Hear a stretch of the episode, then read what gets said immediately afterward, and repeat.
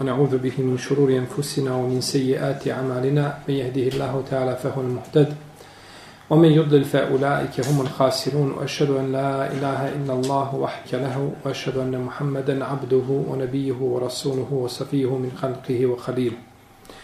أما بعد فإن أصدق الكلام كلام الله تعالى وخير الهدي هدي محمد صلى الله عليه وسلم وشر الأمور محدثاتها وكل محدثة بدعة وكل بدعة ضلالة.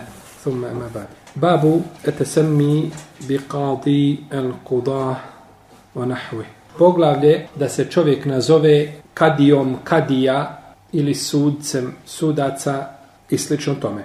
Kaže autor, došlo je u sahihu znači kod Buharije u Sahihu, od Ebu Horeire da je poslanik sa osvijem rekao Inne ahna ismin inda Allahi rađulun tesemma melike la, la malike Allah. Kaže, najprezrenije ime kod Allaha je da se čovjek, je ime čovjeka koji sebe nazove kralj kraljeva. Nema vladara osim Allaha.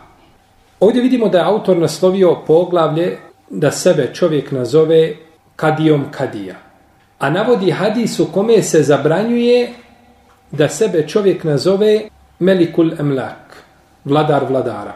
Jel se razlikuje hadis od onoga što je autor naveo? Molim.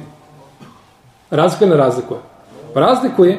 Vamo se spominje, znači, vladar vladara u hadisu, a ovdje se spominje kadija kadija, pa se razlikuje. Ali autor, znači, analogno zabrani da sebe čovjek nazove vladarem vladara, kazao zabranjeno isto tako čovjeku da sebe nazove kadijom šta?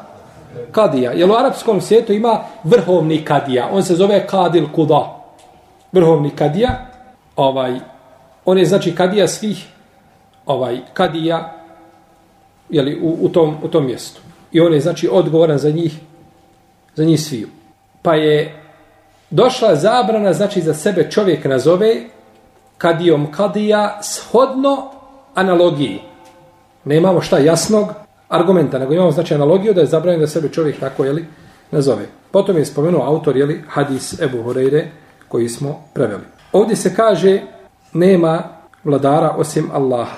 Došla je ova zabrana zato što je u ovom hadisu znači spomenuto vla, vladar svih vladara. A to ime jedino se može kazati stvoritelju Tebarek Ktala ili on zaslužuje to ime. Jer je njegova vlast jedina, apsolutna i on je znači iznad svih vladara, pa zaslužuje znači jedini da ima znači taj epitet da je Tebarak Ktala, da je vladar svih vladara. Jer on daje vlast kome želi, kulillahume malike mulki tu'til mulke men teša, wa tenzi'u mulke min men teša, wa tu'izzu men teša, wa tu'zillu men teša, bijedike l'hajr, inneke Allah kuli še'in qadir. Reci, Allahu, ti koji vlast posjeduješ i koji vlast daješ, daješ vlast onome kome želiš, a uzimaš vlast od onoga od koga želiš. Izdižeš koga želiš, a ponižavaš koga želiš. U tvojoj ruci je dobro. Pa je vlast stvoritelja Tabarak Taleli u tom pogledu apsolutna. Pa sve što ukazuje na veličanje stvoritelja za ođel nije time ispravno veličati koga? Stvorenje. Je li dozvoljeno veličanje stvorenja? Jeste. Ali ima znači ta granica. Veličamo ga shodno, veličamo ga, poštujemo, uvažavamo shodno, znači tim njegovim ljudskim osobinama, a ako bi trebao da poprimi nešto od božanske osobina ili blizu toga, onda je to veličanje znači strogo zabranjeno. Pa sve što ukazuje na potpunost, zabranjeno je da ga pripišemo čemu? Stvorenju, jer čovjek nije potpun. Pa kada kažemo vladar vladara, je to potpunost? To je potpunost, znači. Pa ne bi taj naziv smio se uputiti na račun nekoga od ljudi, bez obzira ko da bio i o kome da se, i o kome da se radi. Pa je Allahova te barakatala moć i vlast je njegova najveća i vlast ovih vladara koje imaju, to je samo a, pozajmljena stvar. Allah pozajmio nešto ljudima da ih iskuša kako će postupati.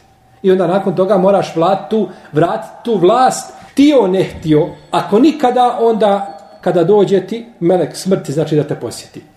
Tada moraš definitivno. Da se vlast, vlast mora vratiti. A prije toga je čovjek vrati rijetko ko milom, ali često vrati to silom i naše jeli, vrijeme je veliki svjedok u tom pogledu. Pa je Allahova vlast apsolutna i stalna. Kaže poslanik sa samo jednom hadisu, gospodar moj, tebi zahvala pripada sva i tebi vlast pripada sva. U tvojoj ruci je dobro i tebi se sve vraća i tražim od tebe svako dobro i tražim od tebe utočište od svakog zla. Tako je dovio Resulullah sallallahu alaihi sallam. Nakon ovoga hadisa kaže Ibnu Ujejne, Sufjan ibn Ujejne. On je znači jedan od ravija ovoga hadisa. Sufjan ibn Ujejne kaže i slično ovome šahan šah. Šahan šah. Šta je slično ovome? Čemu? Ovim riječima da je zabranjeno da se čovjek nazove Melikul Emlak, vladar vladara ili kralj kraljeva, tako mu je zabranjeno da se nazove Šahan Šah. A Šahan Šah to je perzijska konstrukcija riječi koja ima isto značenje. Znači šta? Vladar vladara. Jer ovo je bilo u upotrebi. Pa je htio da pojasni nama Sufjan ibn Ujejne, rahimehullahu ta'ala, šta znače te riječi, da ne bi čovjek mislio samo je to i ništa mimo toga. Ako na arapskom kažeš za čovjeka vladar vladara, to je. Ako kažeš na perzijskom ili na njemačkom, nije. Može proći. Ne, ne može proći na jednom jeziku, jer bit je u čemu? U zna, suština, značenje. A nije bitno na kom si to jeziku kazao. Pa uvrijed stvoritelja Tebara Keotela na bilo kom jeziku je šta? A pohvaliti stvoritelja za ođe ili zahvaliti mu se na bilo kom jeziku je šta? Dobro djelo, je tako? Znači, nema veze, bitna je suština šta si time kazao. Pa kaže šahan šah, isto je tako, kaže, ne smije se, ne smije se govoriti. Kaže Ibn Kesir u svome dijelu El Bidajevo Nihaje u 12. tomu kada je govorio o 429. hijđarskoj godini. Ibn Kesir, vi ste čuli da on ima dijelo El Bidajevo Nihaje. I jedan dio tog dijela je preveden na naš jezik. Koji? Kazivanje o vjerovjesnicima. To je uzeto iz te knjige. Iz El Bidajevo Nihaje, velike knjige, znači od Ibnu Kesira. Prevedena je kod nas kazivanje o vjerovjesnicima. Pa je pos... Ibnu Kesir je pričao, znači, El Bidaje, u Nihaje, znači početak i kraj. I obuhvatio je znači sve što je mogao znači do vremena tog poznijeg svoga znači o, o islamu. I zaista to je jedno znači ovaj specifično unikatno djelo znači u koje je napisano u historiji islama. On spominje kaže 429. hijđarske godine u Ramazanu je kaže Dželalu Deule Eselđuki dobio koji je bio vladar dobio je kaže naziv Šahan Šah El Azam najveći vladar vladara. Tako su mu dali ime. Pa je oko toga nastala velika fitna, nered. To je bilo, znači, poznato. Sufjan, ano, imaju je neko to govori, on je živio prije toga puno. Ovaj, I nakon toga je, znači, ovaj, taj se počeo, je raširio se, znači, taj izraz je počeo se, znači, davati ljudima. Pa je nastala velika fitna, pa su neke, neki učenjaci davali u tom pogledu svoja mišljenja, kao što je bio Abdullah Esaimeri, On je rekao da se to gleda nijet. Kada se to kaže, gleda se gleda se znači u tom pogledu nijet i kaže uzvišeni Allah zađele, učinio je učinio je vladare na zemlji učinio učinio je znači vladare na zemlji. Inna Allahe kad ba'athe lekum taluta malika Allah vam je poslao taluta kao koga? Vladara. Je tako? I kaže stvoritelj te barake od tala wa melikun. malikun i za njih je bio vladar. Ya'khudhu kull sefinetin gaspa uzimao je na silu od ljudi njihove lađe je tako? Pa je zato Hadir probio je tako lađu da, da je ovaj vidi oštećeno, pa da je ne uzme. Pa kaže, imaju, na, na zemlji imaju vladari. A budući da imaju vladari, mogu biti jedan iznad šta? Drugog, da među njima ima znači razlike. Pa nema smetnje kazati da je jedan bolji od drugoga, znači da bude vladar vladara i slično tome. Isto je, ili slično tome, odgovorio Kadija Ebu Tajbe Tabari, koji je kazao da se misli vladar vladara zemlje, a ne misli se znači vladar vladara da mu se daje taj epitet, da je on ovaj ono što pripada samo stvoritelju Tebarake Ota. Imam El Mawardi, poznati šafijski pravnik, on ima svoje dijelo koje se zove Al-Hawil Kebir, štampani u 20 tomova. Jedno dijelo znači kome nema ravna u šafijskom mesebu. On je umro 450. iđeske godine. Od njega neki prenose da je dozvolio, ali ispravno od njega ono što je prenio Ibn Džauzi, Ibn Salah i drugi, da je on zabranjivao ovo, ovome šta, vladaru. Ovo je bilo koje godine? 429. Spominjali smo. Selđuki 429. dobio ime šta? Šahan Šah al Azam, najveći vladar vladara. Imam Mawardi umro 450. iđeske godine. Znači neki 20 godina prije svoje smrti, to, prije njegove smrti to se desilo. A on je bio jako dobar sa Selđukijem, ovim vladarom. Dolazio često, sjedio kod njega i tako dalje. Jer ulema je u davna vremena, a i u savremena vremena, imali su neki od njih kontakt sa vladarima. U smislu nasihata i savjeta. I nema sumnje da je to bolje da se znači alim koji se ne boji za sebe da će pasti pod uticaj i da će davati fetve onako je li na, na ovaj na samo na lijepe oči nego želi savjetovati, to je bolje, jer te ljude mora neko savjetovati, jer vladari su uglavnom, ovaj, vjera je kod nju uvijek bila bljeđa. Pa je uvijek morao biti neko koga podsjeća i koga savjetuje. Pa se udalio i nije htio dolaziti u njegove međuse, da sjedi sa njim. Pa ga je pozvao jednog dana, kaže, dođi. Neš da dolaziš milom, dođi silom. Pa je došao u strahu. Šta će se desiti?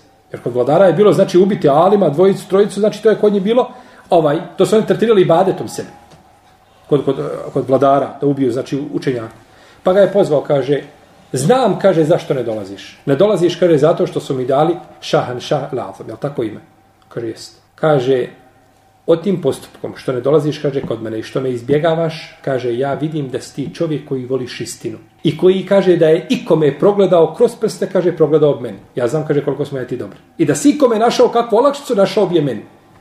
Ali kaže, budući da je nisi našao i da si zbog toga ostavio mene, kaže, ti si danas kod mene još na većem stepenu i još se ugledni i još bolji nego što si bio. Rahimahullahu ta'ala. I tako je, tako sledbenici istine ide. Ne može, braćo, onaj ko sledi istinu ne može nikad biti ponižen. Istina te ne može poniziti nikada. Možeš izgubiti nešto od Dunjaluka. Ali izgubiti od Dunjaluka, ako je to poniženje, ako bi kazal da je to poniženje, onda bi time neminovno optužio našeg poslanika sa osaname za nešto što ne priliči nikako. No tako? Jer on je najmanje tog Dunjaluka imao. I najviše ga je izgubio zbog čega? Zbog svoje vjere. Ali te ne može istina nikada poniziti. Pa je nakon toga, znači, ovaj bio još ugledniji kod kod ovoga jeli, vladara. I nije htio da radi suprotno onome na što ukazuju vjerodostojne predaje poslanika, sallallahu, ali u selome i praksa Selefa, pojašnjenje kao što je bilo Sufjana, Ibn Ujejne i drugih učenjaka. Imamo hadis kod imama Ahmeda se vjerodostojnim lance pronislaca od Ebu Horeire, da je poslanik, sallallahu sam rekao, povećala se srđba onoga ko ubije, povećala se Allahova srđba na onoga koji ubije poslanika. Je tako, jer ko ubije poslanika?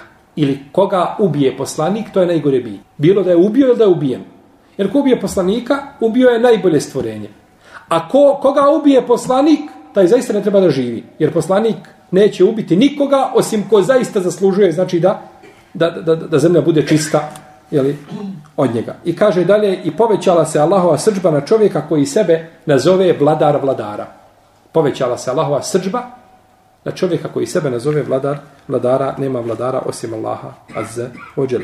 I od čudnih stvari koje se spominju, koje spominje Ibn Bezize, od nekih njegovih šejhova, da je Ibn Atahije poznati pjesnik koji je bio, imao dvije kćeri. Imao je dvije kćeri, pjesnik. Jedno je dao ime, dao ime Allah, a drugo je dao ime Ar-Rahman. Znači, veći zločin nije mogao na zemlju učiniti. Veći zločin nije mogao na zemlju učiniti od onoga što je učinio. Ali eto, neki ispomnio da se pokajao. Ako se je pokajao, rahimehullah, koristit će mu. A ako se nije pokajao, neka pripremi odgovor stvoritelja za uđel zbog zločina koji učinio. I to se ne dešava, nego znači u historiji najvećim nesretnicima. Najvećim nesretnicima dešavaju se znači takvi ispadi i, i takvi grijesi. Jer ovo nije nešto čovjek pogriješio, nego da nadiješ ime djete baš razmišljati i jel tako osmisliti i doći, planirati, A nije to grijeh koji ti je naletio, pa onako ti ga uradio, tako nehotično, pa nakon toga ješ Allahu dragi oprosti mi.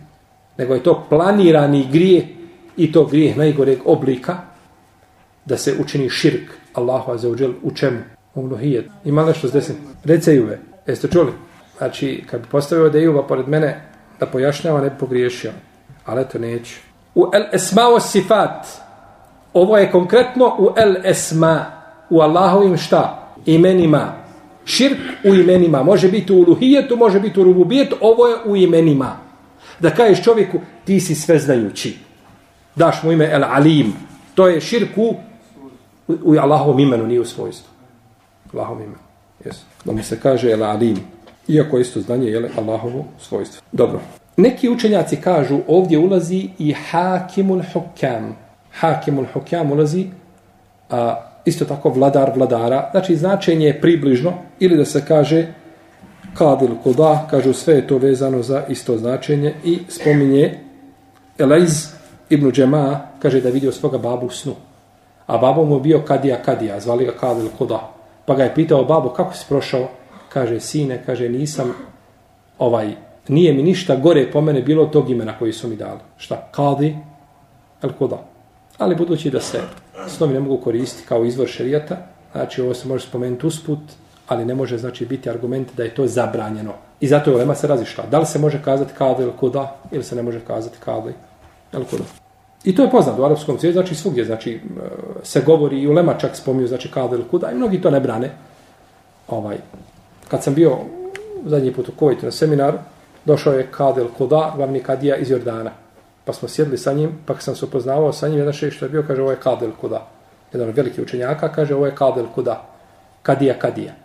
A nije ga nazvao drugim imenom. Pa je to poznato danas, znači da se tako naziva i kada se kaže kadel kuda, misli se na čovjeka koji je kadija, šta kadija, tu u tom mjestu, u toj oblasti, ne misli se znači nikako da mu se daje epitet koji pripada stvoritelju Tebarake od. I kaže se u jednom hadisu, najmrži čovjek kod Allaha na sudnjem danu je jeli, onaj čovjek koji se tako, jeli, koji se tako nazove. U ome hadisu je dokaz da treba čovjek izbjegavati sve u čemu je pretjerano veličanje šta? Ljudi. Taman to bio i naš poslanik, sallallahu alaihi sallam. Kako nas je poučio teuhidu i kako nas je poučio da sačuvamo teuhid.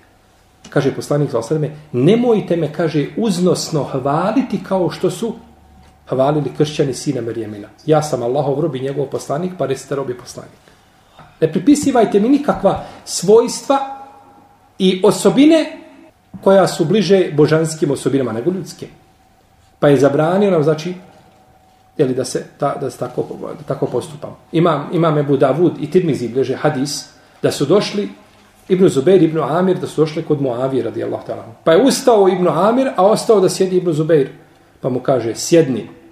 Čuo sam poslanika, sal sam da je rekao, ko bude volio da mu ljudi ustaju, ko bude volio da mu ljudi ustaju, kaže, neka sebi pripremi mjesto u vatri. Znači ulaziš i nisi ti ljudi ustali i tebi muka u prsima. Sve se kidaš. Sustali jedan po jedan kako, kako doliko je jeli, meni da se ustane ispred mene. Kaže, takav neka sebi pripremi mjesto u vatri. Pa Moavija nije dozvolio, znači, da bojeći se za sebe. Da je časni ashab poslanika, sallallahu sallam, nije dozvolio, znači, da mu iko ustaje. I kaže, imam Tirmizi da ovaj hadis dobar. I kaže Ebu Umame, da je rekao, izišao nam je, izišao je poslanik sa osrme jedne prilike nama, hodajući, prilazeći na štaki. Oslovi se na štaku. Paže, pa smo ustali k njemu. Pa smo ustali k njemu.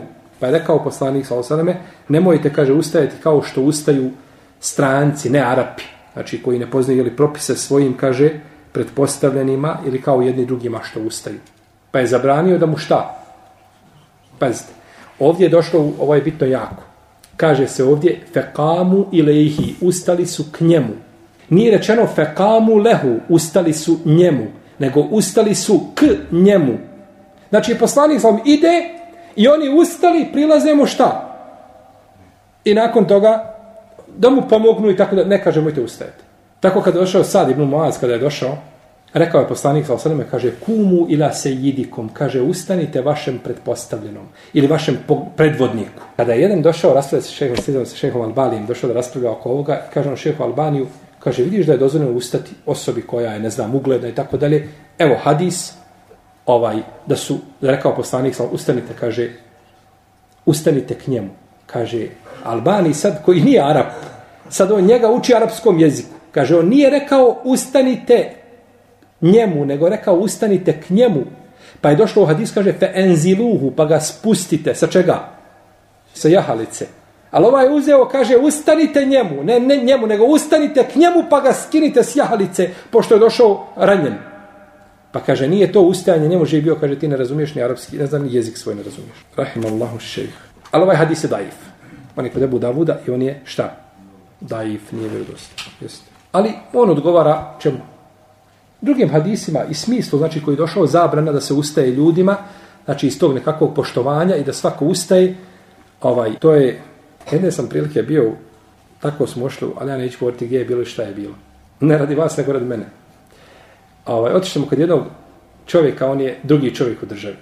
Ušli smo u posjetu, bilo je tu puno šehova i mi smo ušli kod njega u posjetu. Kad smo ušli, ima, znači, ima način kako ulaziš, kako izlaziš. Možeš ti ulaziti kako ti hoćeš. Znači, tu ima način, ima pravilnik kako ulaziš, kako izlaziš. Kad uđeš, sjed, stojiš, dok on ne sjedne. Kad on sjedne, onda ti možeš sjesti. Je tako? I ja nakon gledam, Allahu dragi, stoji tu u leme šejhova, Allah mi ekser u papući onoga jednog šeha je vrijedniji od njega i od cijelog njegovog potomstva. I, i njegove uzlazne i silazne loze. Jer oni znaju samo dunjaluk. Da sam prevrat koliko miliona ima i na banci koliko para ima i koliko je uzeo nepravedno i ne može to zaraditi halalom tako li jednostavno. A ovaj stoji njemu i kad on sjedne onda ti moraš sjesti, onda ti moraš ustati. I tek sam tad shvatio zašto je Ulema bježala od, od, od, od vrata vladara. Zato što dok uđeš na njegova vrata, moraš biti stvarno ko, ko beton armirani, moraš biti od čelika da ti ne budeš tu ponižen. Jer te on nije pozvao ni zbog čega drugog nego da te pouči kakav ćeš biti i kako ćeš mu pričati. Ako Allah, dragi miskini, muslimani, miskine, da Allah proživi sa miskinima koji vjeruju Allaha i njega obožavaju, to je bolje od, od onoga što skupljaju i za čim trče. Pa je ustajanje, to znači ljudima, pogrdna znači stvar u ovom smislu, da se to uzme običaj i da se ustaje i da čovjek osti u prsima tegobu ako mu neko šta ne ustane, to nije lijepo i to nije pohvalno. U protivnom da čovjek ustane, nekomu dolazi, gosti neš, gosti došao, ti sediš u kuću, ti mu iz, iz kuhinje tamo vikneš, ulazi! Da ode čovjek da do, do, dočeka gosta i primi ga i tako dalje, to ne smije, to nisu, znači nije to ta zabranjena vrsta, nego ustajanje, znači kada god neko dođe da mu se ustaje, kažem da imaju ovi nekakve pravilnici, ne smiješ sjesti, ne smiješ ustati, ne smiješ se okrenuti, ne smiješ desno pogledati, slikate, znači u, u, u minuti 2000 slika naprave, ovaj, pa moraš dobro paziti, znači na svoje pokrete. Ovdje kaže u hadise, povećala se Allahova srđba.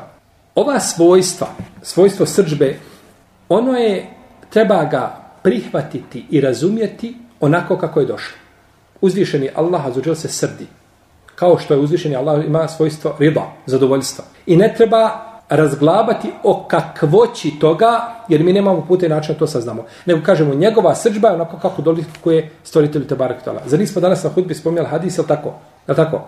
Hadis, go, da, kada, kako su poslanici govorili, danas se gospodar naš rasrdio srđbom, nije se razljudio i rasrdio nikada prije toga tako, niti će poslije toga tako. Rasrdio stvrte te barak tamo na sudnjem danu. Pa niko ne smije pričati. I ovaj, to je stav ashaba i tabina i uleme prva tri stoljeća. Oko toga nije bilo nikakvih metaforičkih tumačenja Allahova srđba i slično tome. Nego je to nastalo, znači, u kasnim stoljećima ljudi su to promijenili. Nakon odlaska tih najboljih, jeli, generacija i kada se um- umet počeo dijeliti, kada je počeo ulaziti, izlaziti, znači, sa džade. Ovo bilo, znači, o, o poglavlju zabrane nazivanja Kaldil Kuda i veliko nam lak što su spominjali. Mi ponekad imamo, sad dolaze nam kraća malo poglavlja. Pa ponekad moramo, da bismo spod, e, u potpunom predanju, moramo spojiti dva. Ovaj. A pošto se mi nismo odavno vidjeli, ja ću večeras spojiti još jedno, a ja se nadam da ćete vi strpiti da to vama neće biti dosadno ako Bog ne. A neće, taj, taj će duže nego, kraće nego prvo. Ili Dalje, kaže ovdje autor, babu ihtiramu esma illahi ta'ala o tagjiru el ismi li eđli zalik. Kaže, poglavlje poštivanje ili uvažavanje Allahovi imena i mijenjanje imena radi toga. Spominje autor od Ebu Šurejha, koga su zvali Ebul Hakem. Ebul Hakem znači je nadimak vezan za sudca. On je dobio tako naziv. Pa, pa ga je poslanik sa osadame, pa mu je rekao, kaže, Inna Allahe huwa al-hakem wa ilayhi hukm kaže Allah je taj koji sudi. On je el-hakem sa određenim članom. I kaže njemu se ljudi vraćaju kad je u pitanju sud. Kaže Allahu poslaniče, kaže ja sam u mome narodu kaže poznat kao pravedan čovjek. Pa ljudi kada se raziđu raziđu u nečemu vrate se meni da im ja šta? Da im ja presudim. I bude zadovoljna jedna i druga strana mojom presudom. Kaže pa su me zato nazvali tim imenom. Kaže poslanik sallallahu to je odlično, to je lijepo. Pa je rekao mu, imaš ti djece? Kaže, imam. Koga imaš? Kaže, imam Šurejha, imam Muslima, imam Abdullaha. Kaže, koji ti je najstariji? Kaže, Šurej. Kaže, ti si Ebu Šurej. Ti si Ebu Šurej. Ovaj hadis bliži imam Ebu Davud sa vjerodostanim lancem prenosila. Ebu Šurej, on je, uh, Ebu Šurej Huzai, zove se Huwailid ibn Amr, primio je islam na dan oslobođenja Mekke. Prenosi od poslanika, sallallahu alaihi sallame, 20 hadisa prenosi od poslanika sallallahu alaihi osrme 20 hadisa, dva prenose Buhari i Muslim, a jedan prenosi Buharija koji ne prenosi Muslim. Naravno, mi ćemo kazati ovo prenosi od poslanika sa osrme 20 hadisa i to nam tako prođe taj podatak kroz uši, ne razmišljamo o tome. Znate li, braću, za taj podatak da mora sjediti hafiz hadijski nauka godinama da dođe do toga. Godinama da sjedi, da se, da, da, da znači izgubi vid, da mu se dioptrija poveća za dvije deređe, da bi došao do tog podatka da prenosi 20 hadisa. To mi naravno čujemo i ovaj, to uz Red Bull to i zaboravimo, je tako? Znači to kako smo čuli, tako i zaboravimo. A da dođe se do tog, ili da kažeš hadis bileži tabarani, hadis je vjerodostojan. Za tu riječ vjerodostojan, jedan hadijski stručak je morao sjediti nekada sjednicama da to ispita. I ti dobiješ podatak vjerodostojan, ideš dalje. Da znaš kolika je vrijednost te riječi vjerodostojan, Allah zna šta možda morao, morao para paurina popiti da se smiriš. Kolika je znači težina, koliko treba truda i napora šta da se do toga dođe, je tako? Mi kao kažemo čovjeku, izvršena transplantacija srca. I stanemo. A šta je bilo priprema prije toga, sama operacija koja traje po 20 sati, kako je bilo, šta je bilo, kako je čovjek izgledao, sav rasporen i ovaj grudni koš mu ovaj izvaljen. Mi ne znamo to. Eto, ovo vam je ovdje puno više nego raspor, doći do vjerodostojnosti hadisa je puno više nego rasport jednog pacijenta. Pa je ovo znači velika stvar da kažemo koliko hadisa bilježi od poslanika sa osrme, koliko su kod Buharije, koliko je kod muslima, to je naravno lakše provjeriti, lakše ispitati, lakše provjeriti desete hiljada hadisa, prelistati i izbrojati, nego otići pa prebrojati sve hadijske zbirke, a vi se sjećate, ne znam da li sam spominjao, Hafiz ibn Hajar u svome dijelu koji se zove Talhisul Habir, ma dijelo u četvrtoma štampanu. Kada je došao jednog hadisa, kaže i ovaj hadis, kaže, tražio sam u preko 3000 hadijskih zbirki. Ovaj hadis sam tražio u preko 3000 hadijskih zbirki. Allah me ovo da, da nisam našao u knjigi Ibn Hadžara, da nisam u njegovoj knjizi, da nisam pročitao, ja to ne vjerovao nikako. 3000 hadijskih zbirki, to je nemogu. Danas ko ima 200-300 hadijskih zbirki ko sebe u biblioteci, on se smatra znači da, je, da ima najpotpuniji biblioteka. U 3000 zbirki on je sjedio i tražio hadis, da bi jedan hadis samo provjerio da bi ga ispitao, je li došao u ovoj formi ili nije u ovoj formi. 3000 hadijskih zbirki. Nama kad neko rekao, hajde samo pročitaj 3000 hadijskih zbirki, nazive ti zbirki, to je bila za nas posao, tako opterećenje. Pogledajte koliko su oni znači truga, truda ulagali, a kako znači ljudi koji dolaze nakon toga, kako ne cijene taj trud, odnosno kako se poigravaju sa tim trudom koga su uložili, uložili islamski učenjaci. Dobro. On je umro u Medini 68. hiđarske godine, od njega prenosi Ebu Said al-Makburi, prenosi Nafi ibn Džubeir i drugi. Kaže se da mu je bilo ismo, ime Hani ibn Jezid al-Kindi, a neki kažu al-Haris al-Dababi. Tako kaže imam al-Mizi. A prije toga ovo rekao Hafid ibn Hajar Raskalani, da se Allah sminuje oba dvojice. Bilo mu je ime, kunija mu je bila Ebu Šurej. Kunija je jedno, a lekab je drugo. Nazivi nadimak, ne znam kako kunija je Ebu Muhammed. Imaš sina Muhammeda, ti se Ebu Muhammed. Imaš sina Jusufa, ti se Ebu Jusuf. A lekab je nešto drugo, kao da se kaže Zeinul Abidin. Zeinul Abidin, ukras bogobojazni. To su lekabi bili. Pa su po tome znali, često smo po tome, braćo, kako ćemo razdvojiti? Imamo, na primjer, ravije. Raznorazne ravije imamo ovaj hadisa. Kao što je ravija Džundup ibn Abdillah. El Beđeli Ashab. Ali imamo četvericu ravija, spominjamo to ako Bog da u nedjelju. Imamo četvericu ravija koji zovu Džundub i Abdullah. Kako ćemo ih znati, znamo i po ovoj kuni. Razlikom. Džundub i Abdullah, šta je ovaj Ebu Mohamed, ovaj Ebu Jusuf, ovaj Ebu, ovaj Ebu ovaj, Šurejh i slično tome. Pa se znači po toj kuni, onda, znači tom nadim koji oni razlikuju. Kaže ovdje poslanik sa osrame, Allah je sudac i njemu sud pripada. Zato što njemu pripada sud, znači na Dunjaluku i na Ahiretu te barake o tealu. Na Dunjaluku mu pripada tako što ćemo se vraćati njegovoj knjizi, njegovim objavama i njegovim poslanicima i vjerovjesnicima, jer je on to objavio, znači da bi ljude izvjeli na svjetlo. I većina uleme poznaje većinu onoga što uzvišeni Allah traži od ljudi. Pazite, većina uleme na Dunjaluku, govorimo ulemi, uleme, zna većinu onoga što Allah traži od ljudi. Ponekad se desi među njima razilaženje, ali neko od njih ima, znači, bar za nijansu jače argumente. A nema veće odlike od toga da uzvišeni Allah te barak tala pouči čovjeka da razumije njegovu knjigu i sunet poslanika sallallahu To je znači odlika nakon koje nema odlike, a time su bili počašćeni naši učenjaci, da im se Allah smiluje. Wa ilayhi al-hukm i Allahu pripada te barak tala sud.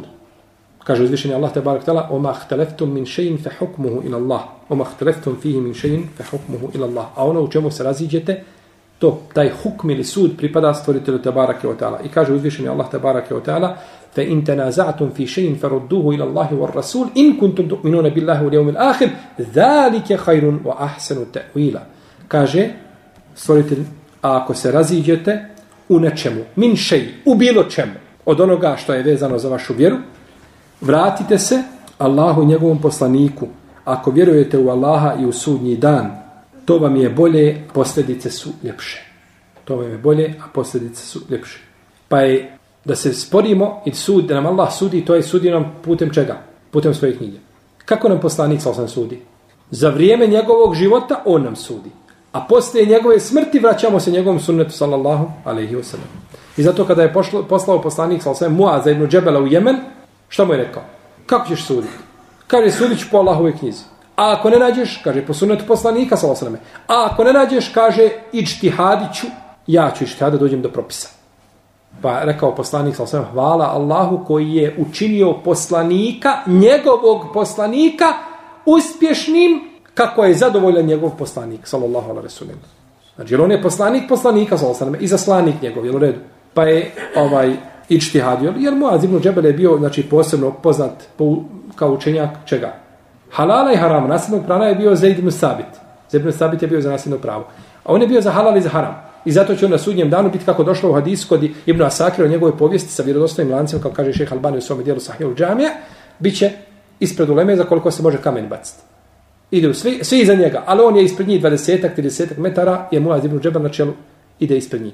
Što je bio veliki alim. Pa je ičtihadio i bilo mu dozvoljeno da ičtihadi, znači, i da u tom pogledu, jeli, znači, njegov a, ičtihad bude uglavnom ispravan. Zbog znanja. Za razliku od ljudi koji se umisle znanje, pa dođu, pa, jeli, ovaj, i tesari, i zidari, i pjevačice, i plesačice, i sve priča o vjeri. U Egiptu plesačica priča o vjeri. Iziđe, i ispleše se, jel tako, pred publikom i e, naravno, jeli, nije u hijabu plesala. Znači, ona ono što je otkrila od tijela je puno više od onoga što je pokrila. Njena zimska garderoba može tuđe stati, što ima, što nosi. I ona iziđe i pleše, nakon toga iziđe i intervju daje, kaže, ples je pes je posao, a posao je ibadet. Allah za i onda spomene hadis kako je poslanik sam vidio čovjeka koji ima hrapav ruku, kaže, uzeo tu ruku, kod je Nesa ima hadis, kaže, uzvišen je Allah voli ovu ruku njegov poslanik sam, kaže, posao je ibadet, a, jeli, ples, pa kažu, kako grliš čovjeka? Kaže, ja kad njega zagrlim, on je meni ko brat. Ko brata da sam rođenog zagrla, a i on vjerojatno vas da je zagrlio svoju rođenu sestru, pa tako to ide, jeli, naprijed. To je džehl.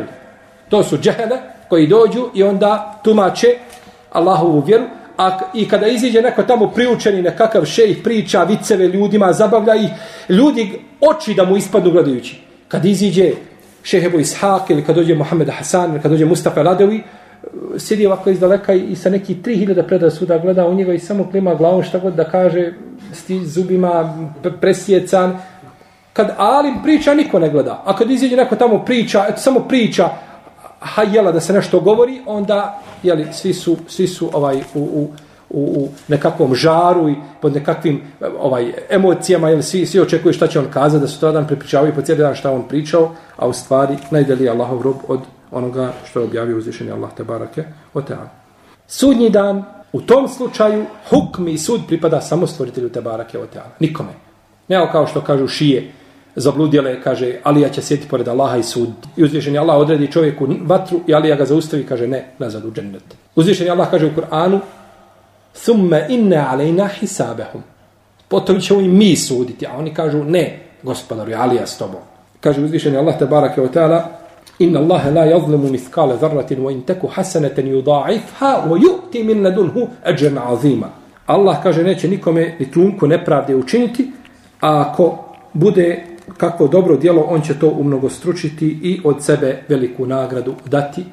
Te barak je Allah, on je taj koji obračunava ljude i on je taj koji nagrađuje ljude na sudnjem danu i nema u tom pogledu niko učešća nikakvog kod stvoritelja Azzawajal, osim što će dozvoliti određenim ljudima da se zauzimaju, da čine šefat, to je druga stvar, to je opet Allahova dobrota Azzawajal prema njegovim, prema njegovim stvorenjima.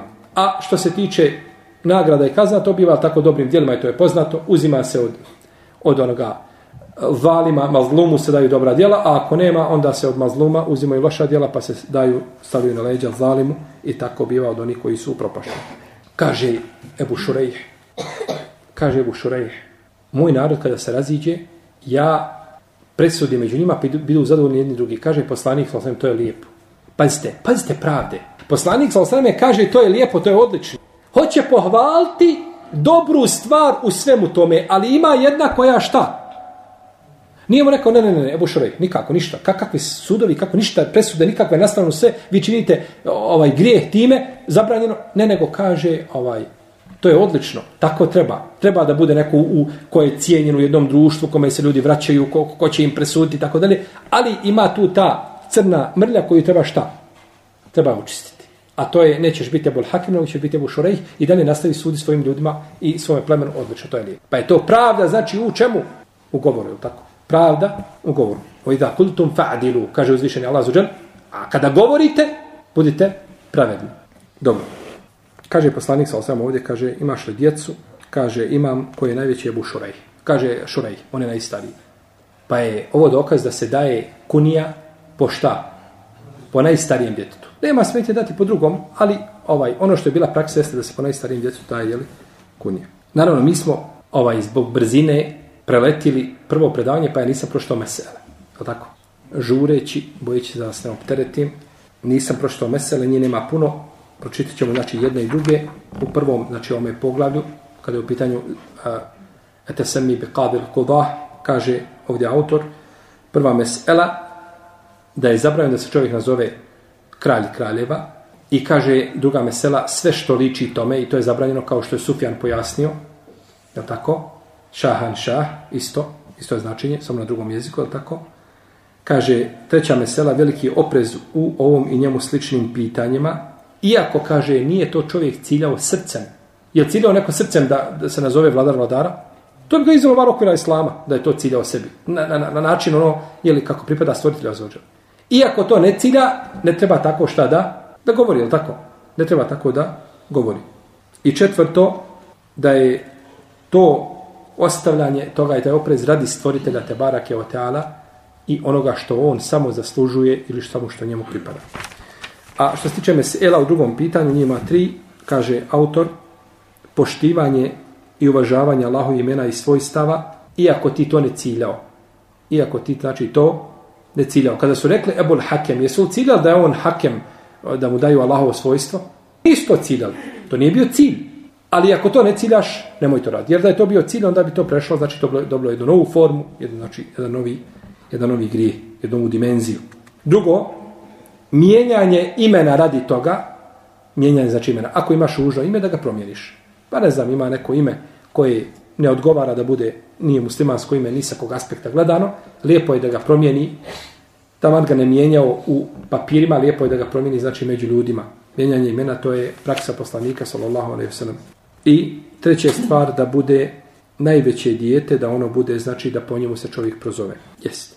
To bi bilo, znači, nešto vezano za ova dva poglavlja, čemu smo mislili govoriti, Allahu ta'ala, sallallahu alaihi wa sallam.